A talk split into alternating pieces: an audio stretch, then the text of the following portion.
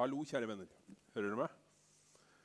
Jeg eh, er som Torbjørn, så er jeg litt sånn tett i nesa og tett i hodet. og sånn, og Hvis jeg blir så tett i ørene så, Hvis jeg blir så tett i ørene at jeg ikke hører hva jeg sier, og det merkes, så må dere si fra. Uh, uh, jeg uh, har vært Jeg har hørt gjennom to veldig fine taler om misjon på podkast. for to uker siden så var Jon Arne Hoppestad, som er leder av utenlandsarbeidet til Misjonskirken Norge, her og snakka om misjon. Eh, og han snakka bl.a. om den første misjonæren kan du si, som, som, nesten ble sendt ut av Jesus. Det var en dame. Eh, Jesus møtte henne ved en brønn i Samaria. Eh, og hun ble så gripet av Jesus at hun fikk forandra livet sitt og løp inn til landsbyen for å fortelle de andre hva hun hadde opplevd, sånn at de også kunne få oppleve det. Eh, og så fortalte Jon Arne videre om mange andre mennesker som har blitt berørt av Jesus gjennom Misjonskirken Norges arbeid i de ulike landene vi jobber i. I Kongo, i Colombia, i Kina, Afghanistan var han innom. Eh, og flere steder som, som vi er. Og de vitnesbyrda som de menneskene kommer med, de gjør inntrykk, altså. Eh, og Forrige søndag så var Øyvind Berberg her, eh, som vi så på videoen her i stad også. Eh, og han er jo, som, som vi hørte, pioner i Colombia-arbeidet til Misjonskirken Norge. Og har jo veldig, en veldig brann for misjon. Han insisterte jo på å bli, ikke bli kalt forhenværende misjonær, for det går ikke an å være det. Sånn. Er man misjonær, så er man misjonær. Eh, og han også fortalte mye om, om arbeid der nede og, og, om mennesker som hadde blitt berørt av Jesus. Eh, og så var han innom arbeidsbeskrivelsen, som han kalte det. Eh, misjonsbefalingen. Det å gå ut og gjøre alle mennesker, alle folk, til disipler. Og det å være vitner, eh, som Jesus sa til disiplene i Jerusalem, der de bodde, i Judea, i nærområdet, i Samaria, som var nærmeste utlandet du kom, på en måte, og like til jordens ender. Og som Øyvind sa, altså, vi, vi, befinner oss nok tett på jordens ender. Eh, dette oppdraget det har bakgrunn for veldig, veldig lenge siden. Øystein Sunde hel, synger helt siden, si, helt siden tidenes lytter på dagen da Adam og Eva ble jagd ut av hagen. tror jeg det er. Eh, allerede da så begynte Gud å legge en plan. Fordi Gud hadde skapt mennesket i sitt bilde til fellesskap med seg. Og så var mennesket ulydig, og så brøyt de det fellesskapet. Og Gud lengta så etter det nære fellesskapet som han hadde med mennesket i hagen, at han begynte en plan for å gjenopprette det fellesskapet. Det er bakgrunnen for hele dette oppdraget. Og menneskene gikk Gud jobba for å dra menneskene inn. Menneskene gikk lenger og lenger bort. Og det står i mm, fortellingen om Noah at ondskapen vokste på jorda. Stod det. Så mennesket dro seg lenger og lenger bort fra Gud og lenger og lenger inn i ondskap. Og Gud ble mer og mer fortvila. Til slutt så ble Gud så fortvila at han forsøkte å utrydde denne ondskapen ved å fjerne nesten alle mennesker ved den store flommen. Bare én familie fant nåde hos Gud, og det var Noah og hans familie. Det var en ny start for verden. Så når Noah lander på Ararat, og familien etablerer seg på nytt, og menneskene på nytt utvikler seg, så går det egentlig ikke så veldig mye bedre. Og Gjennom hele Gamle Testamentet så ser vi at Gud jobber for å trekke menneskene til seg. Eh, og han kommer til Abraham, eh, inngår en pakt, lover at Abraham skal bli far til et ett som er så tallrik som stjernene på himmelen, eh, og etablerer et folk på jorda som han skal måte, opprette forbindelsen gjennom israelsfolket. Og hvis vi leser Gamletestamentet, som også er Israels historie, så ser vi at her er det mye opp- og nedturer. Av og til så var Israel på riktig spor, og de, kontakten med Gud var god. Og andre ganger så spora de helt av. Og Gud jobber og jobber gang på gang på gang på gang. Og i Hosea, så synes jeg, hos profeten Hosea der, der, forteller Gud litt om hva han føler rundt dette her. Og det syns jeg er så beskrivende. Der sier Gud selv gjennom profeten.: Da Israel var ung, så fikk jeg ham kjær. Fra Egypt kalte jeg min sønn. Men jo mer jeg ropte på dem, desto mer gikk de bort fra meg. De ofret til Balgudene og tente offerild for gudebilder. Det var jeg som lærte Efraim å gå og tok dem på armen. Men de skjønte ikke at jeg helbredet dem. Jeg dro dem med menneskebånd og med kjærlighetens tau. Jeg var lik en som løfter et spedbarn opp til kinnet. Og jeg bøyde meg ned og ga dem mat. Her ser vi Guds farskjærlighet og morskjærlighet, foreldrekjærligheten til sitt folk. Og så, vi, og så står det videre at han, han blir frustrert, og så, og så, vil han på en måte eh, rive landet og folk i stykker. Og så ombestemmer han seg igjen til slutt, og så sier han at 'jeg vil ikke fullbyrde min vrede'. Eh, Gud jobber intenst for å gjenopprette fellesskapet han ønsker å ha med mennesker. Og Det fins fortellinger om misjonærer i Gamle testamentet også. De fantes før Jesus også. Han her, f.eks. Eh, kanskje historiens mest motvillige misjonær.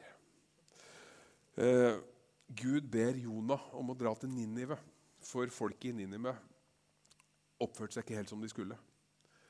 Eh, og Gud ville ha kontakt med dem også. Det eh, skjønte ikke Jonah noe av, for folka i Ninive var hedninger.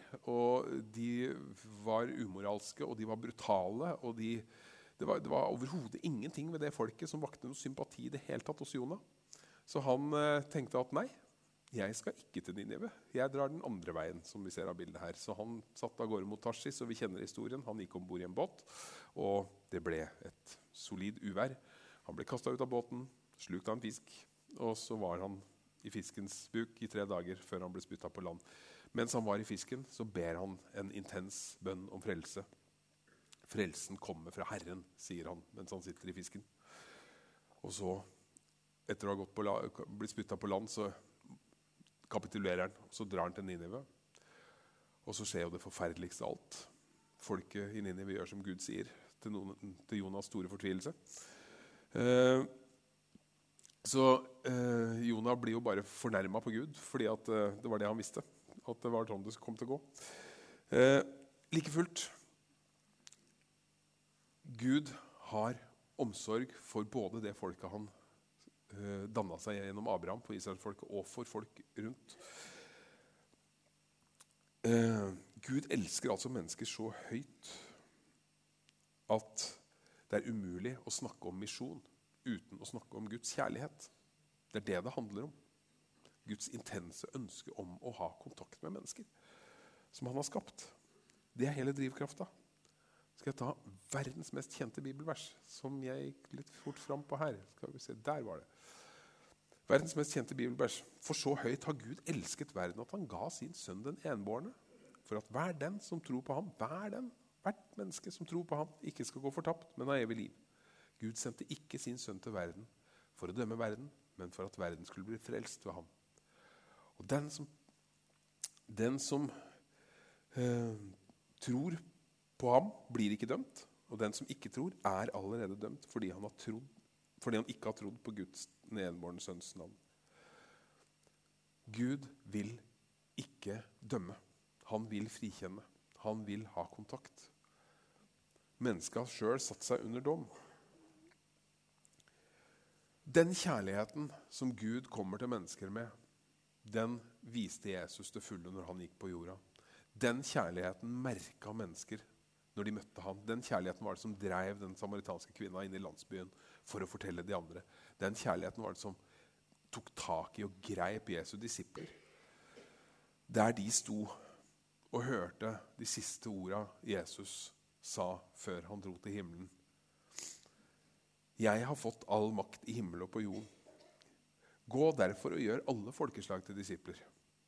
Døp dem i Faderens, Sønnens og Den hellige ånds navn, og lær dem å holde alt jeg har befalt dere.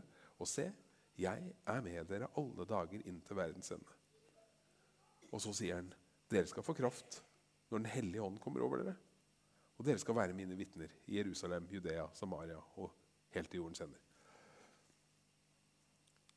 Der sto de, på et fjell i Galilea. Og De hadde akkurat opplevd at Gud hadde fullbyrda den frelsesplanen som han begynte på rett etter at Adam og Eva ble jaget ut av hagen. De hadde akkurat opplevd at Jesus hadde vunnet over døden og beseira det som sto imot Gud hos menneskene. De hadde akkurat fått muligheten til å bli født på ny. Fordi Jesus ga dem et nytt liv. Og det som er litt interessant, det er at når, når eh, Rett før Gud sendte storflommen, så sa han at 'min ånd skal ikke for alltid bli værende i menneskene', for de er av kjøtt og blod, og deres levetid skal være 120 år. Så Gud trakk tilbake sin ånd fra menneskene. Og så kom Jesus, sona synd, beseira døden. Og det gjorde det mulig for Gud å komme tilbake til menneskene med sin ånd. Når Nikodemus får høre Johannes 3, 16 for første gang, så skjønner han ingenting, for Jesus snakker om å bli født på ny. Og Han lurer på om han kan komme inn i mors liv igjen. Og sånn, og så sier Jesus det som er født av kjøtt, er kjøtt, og det som er født av ånd, er ånd. Så Jesus, Gud gir sin ånd tilbake til menneskene, og vi blir født på ny som en ny skapning i Gud.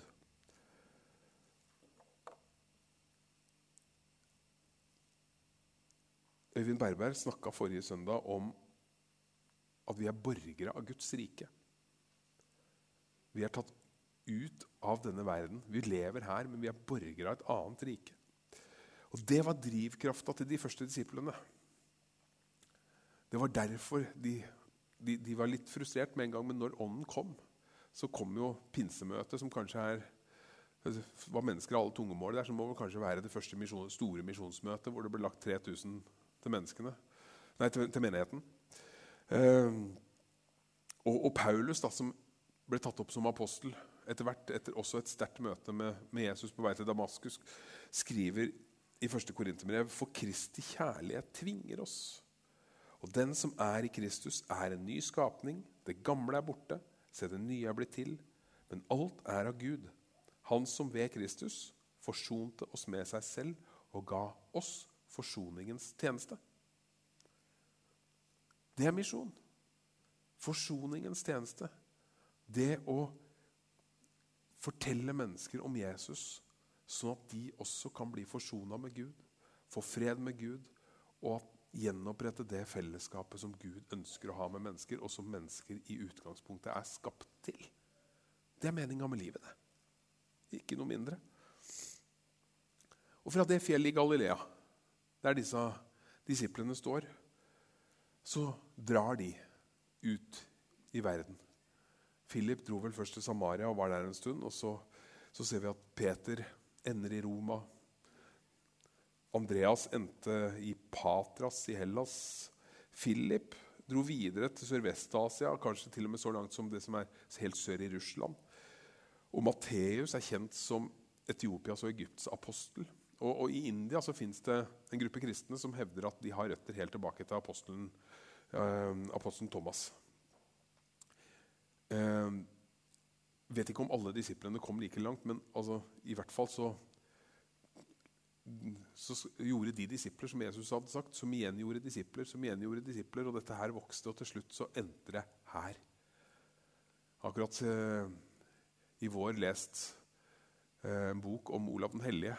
Og jeg må si at jeg forundrer meg over Gud og hvordan, han, hvordan, hvordan ordet blir spredd. Altså, fordi at, eh, altså fra, fra, fra da disse si, brennende eh, disiplene, så, så, så, kommer det munker. altså Ansgar, f.eks., som Ansgarskolen, Misjonskirkens Norges eh, eh, bibelskole og, og, teologiseminar, eller te, teologisk høgskole, er oppkalt etter. Han var jo kjent som Nordens apostel. På 800-tallet så, så, var han biskop av, av, Hamburg og så Bremen. Og så, så hadde, strakk bispedømmet hans seg helt ord til Danmark og deler av Sverige.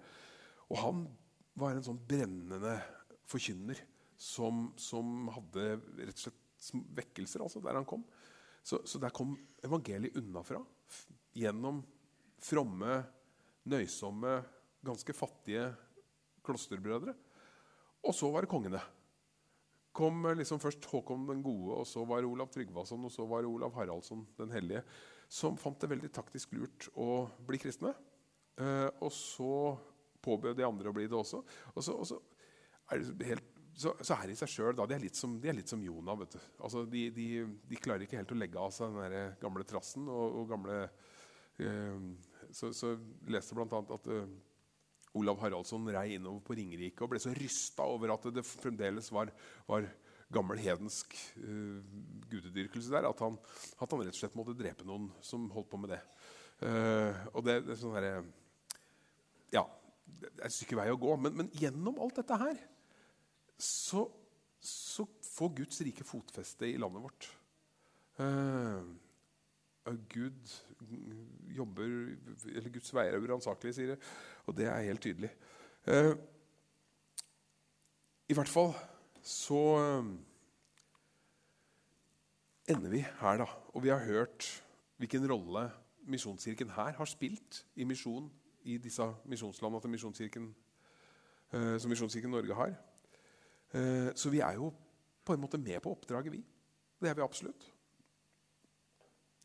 Men som Øyvind nevnte forrige søndag, så er altså dessverre interessen og brannen for misjon den er dalende i den vestlige verden. Veldig mange som ser misjonen som mindre relevant. Man må på en måte respektere hva andre tror, i så stor grad at uh, vi tør ikke lenger å vitne om hva Jesus betyr. Tør ikke lenger å fortelle at Gud ønsker å gjenopprette fellesskap med mennesker. Men Gud har ikke forandra seg. Gud vil fortsatt nå de menneskene. Og vår menighet består av oss som er her, av deg og meg. Så i den grad menigheten skal fortsette å være med på det oppdraget, så kommer det an på oss som sitter her. Sant? Og det er mange måter å være med på det på.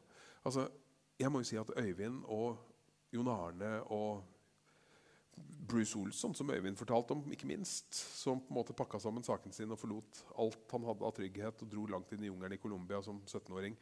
Eh, sånt imponerer meg. Eh, folk som virkelig gir livet sitt helt for misjon. Jeg har mye mer eh, hva skal jeg si, eh, hverdagslig eh, misjonskall. på en måte. En gang i 1989 så, så satt jeg og kjørte lastebil opp i, opp i Numedal eh, og syntes det var kjempekjedelig. Jeg lurte på om dette kan ikke være meninga med mitt liv. tenkte jeg. Um, jeg er jo mye mer sosial enn at jeg kan trives med å sitte alene i en lastebil. Så jeg tok en veldig overfladisk personlighetsanalyse på meg selv og tenkte Hva er det jeg er god til. Hva er, det, hva er det jeg gjør nesten helt uten å tenke sånn helt fra ryggmargen? Og så, så kommer jeg til at jo, du prater jo mye, du. Og det står jo faktisk i karakterbøkene dine helt fra første klasse at du er en snill og grei gutt, men du prater for mye i timen. Sto det. Så tenkte jeg ja, da, da kan jeg det. Hva kan jeg bruke det til? Hva er det som betyr noe for meg, da? Og så kom jeg, altså Troa mi og Jesus betyr jo fryktelig mye for meg. Så det må jo være en god match å bruke det jeg kan best, til det som betyr mest. Uh, og da bestemte jeg meg for å søke Ansgarskolen. Og så landa jeg der. Og så har Gud etter det uh, måttet plukke av meg utrolig mye vranghet og stolthet og, og, tull og tøys. Og jeg har gått på noen par vegger, og det har ikke alltid måte, jeg har vilt mer enn jeg har greid, for å si det sånn. Uh, og,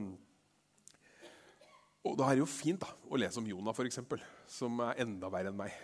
Og så, og så ser jeg at Gud faktisk kan bruke han, og at det bærer frukt, selv om du er så ufattelig motvillig og vrang. Uh, og Da jeg gikk på Ansgarskolen, så hadde jeg misjonsteologi som, som fordypningsfag. Og reiste til Colombia på praksis. Og det jeg var helt sikker på i Colombia, det var at jeg i hvert fall ikke skulle dit som misjonær. Så jeg, det hadde helt stor motsatt effekt på meg. Men jeg ble også veldig klar over hvor viktig det arbeidet var. Selv om jeg ikke skulle være der. Eh, for det gjorde inntrykk. altså. Og jeg har fortellinger derfra som jeg forteller enda. Om folk jeg har møtt altså, som, som, har en bakgrunn som jeg ikke skjønner at de på en måte har klart å leve med. Eh, jeg har fått lov til å reise til Kongo og sett misjonsarbeidet der eh, etterpå. Og, og, og har altså jobba både i, i menighetssammenheng og i Norske Misjonsselskap, og nå jobber jeg i Misjon uten grenser. Så, så, men på et eller annet finurlig måte så har ikke jeg valgt å jobbe der. Det er de, det jeg bare kommer dit. Så det er en slags plan der. Men jeg har allikevel opplevd det som ganske hverdagslig. Ganske vanlig. Det er, ingen, det er ingenting spektakulært med mitt liv. Uh, samtidig som jeg gjennom det får lov til å være med og tjene. Og opplever at jeg lever faktisk i et litt sånn daglig mirakel. Fordi at uh, jeg får lov å være med og bidra til at mennesker møter Jesus. Uh, og det som er, det er at det, er fortsatt mange mennesker ute i verden, som vi hørte om i filmen, som Øyvind snakka litt om, som, som, som, lever i en ond verden. Som øh, som lever i en ubarmhjertig verden, som lever i en verden som, var, som, på mange måter er like ond som den var på Noas tid. Folk som er ofre for vold, eller som utøver vold, og som ikke ser noe håp på framtida, og som kjemper for tilværelsen. Folk som lever med frykt, med uro, frustrasjon, desperasjon. Som trenger å bli satt fri. Det er så mange der ute, i vårt land og rundt i hele verden, som trenger å møte Gud og komme tilbake igjen til det de var ment å leve for.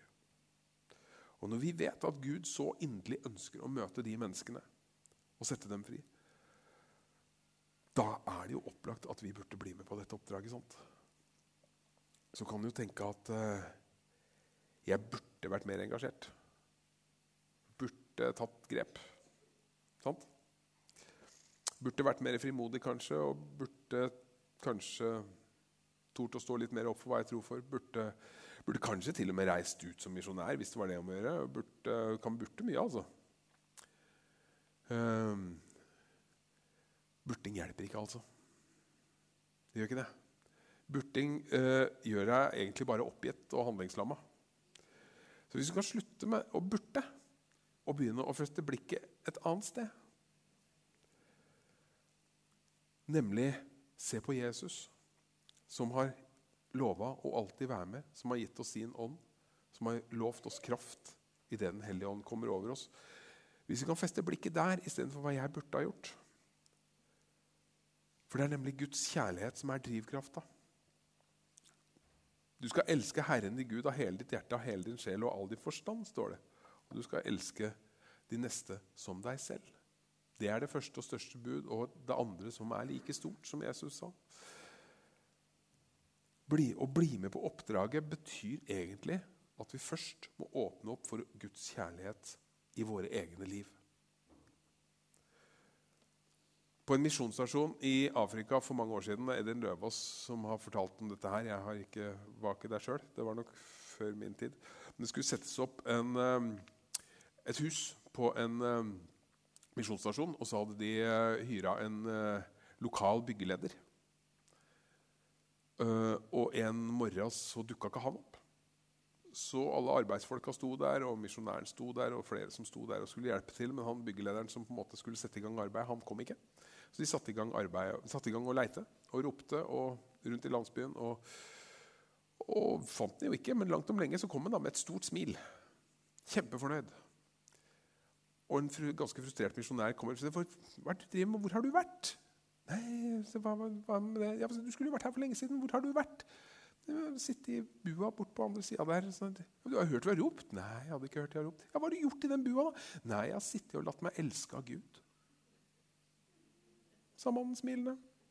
Det er jo vanskelig å kjefte på sånne. Uh, burde du kanskje ha sagt fra at han hadde tenkt å gjøre det, men, men uh, han hadde jo skjønt noe, da. om hva som skulle til for å gjøre arbeidet med, med riktig innstilling, med inspirasjon og med glede og, og, og, sånn. Så det, ja, dette er kjærligheten.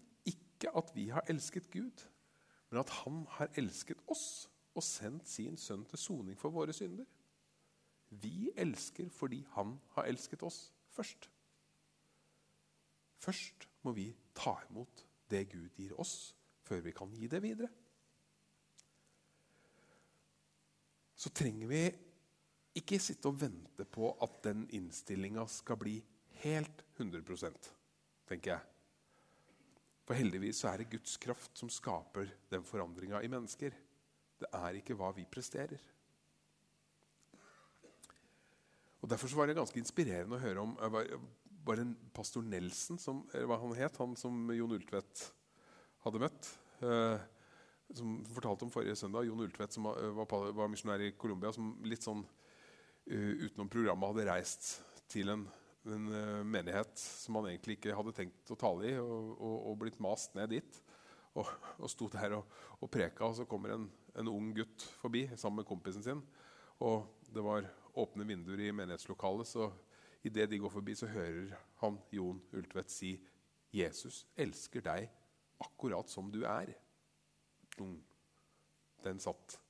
Og så bare sier han ha det til kompisen sin, går inn, får høre dette her noen ganger til, og går fram, gir livet sitt til Jesus og ender opp som pastor i en menighet med flere hundre mennesker.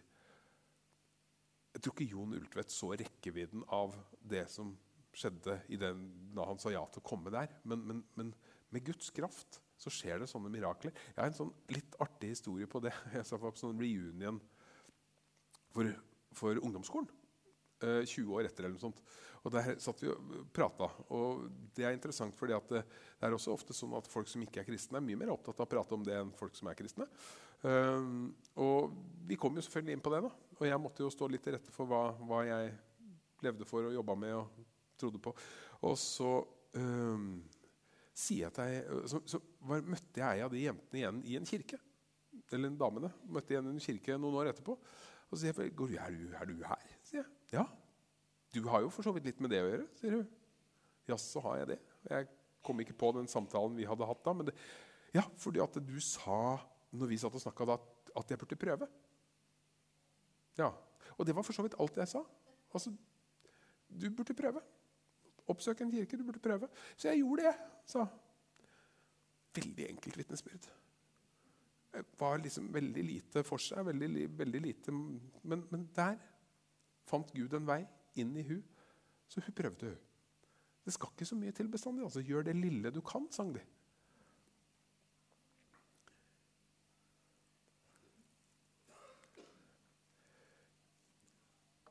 Så bli med på oppdraget.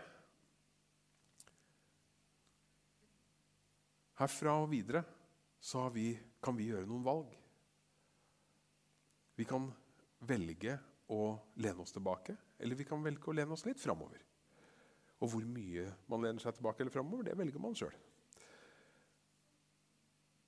Jeg tenker at det, som Torbjørn sa, det er mulighet ute i gangen her etterpå til å se litt på prosjekter, fadderskap osv.